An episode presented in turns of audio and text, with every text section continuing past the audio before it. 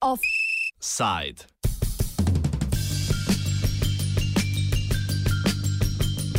Ajd brigade. Oblasti Bosne in Hercegovine so izgnale prostovoljce organizacije Aid Brigade. Aid Brigade je skupina približno 20 mednarodnih prostovoljcev, ki se ukvarjajo s pomočjo migrantom v Sarajevu. Med drugim jim oblasti očitajo zlorabo turistične vize in kršenje javnega reda in miru. Prav tako so jim po petih mesecih zavrnile prošnjo za registracijo kot nevladna organizacija.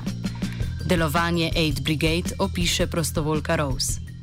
Aid Brigade is a grassroots volunteer group in Sarajevo, in Bosnia, and um, we provide food for refugees in Sarajevo, and um, we we basically do whatever is most needed. So in winter, we did distribution of sleeping bags and winter jackets, and we gave firewood to people in cold, in unheated houses and tents. Um, we did education for children when the refugee children didn't go to school.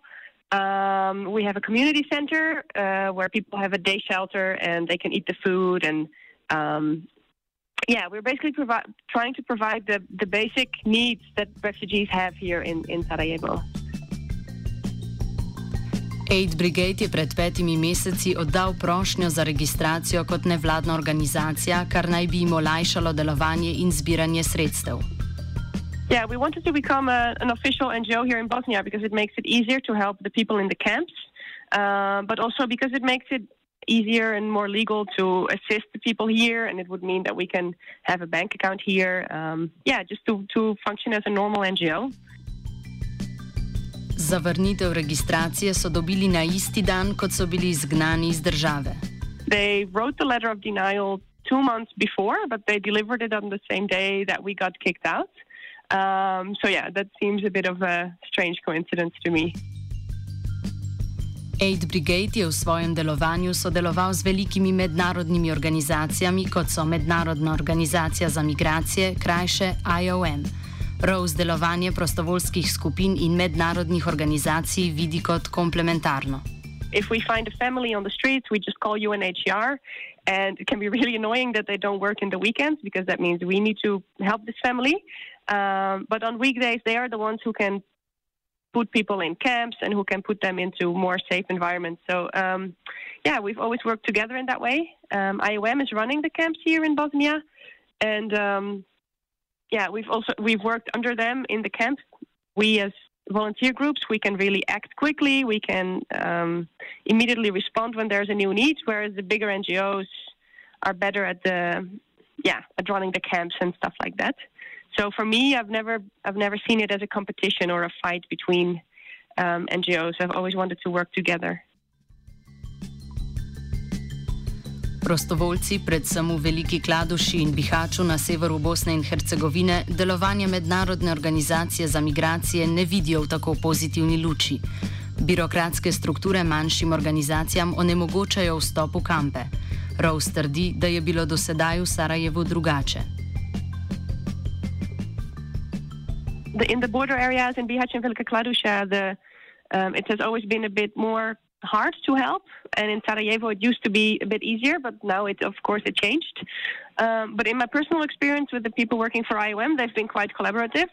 Um, but they're not always able to do what is most needed or what they want to do. Um, and it's, I don't know if that's because the Bosnian government doesn't want them to do, or if it's the funders or the EU. IOM and UNHCR are always um, restricted by their donors, which is often EU countries, and also by the host country. So in this case, Bosnia.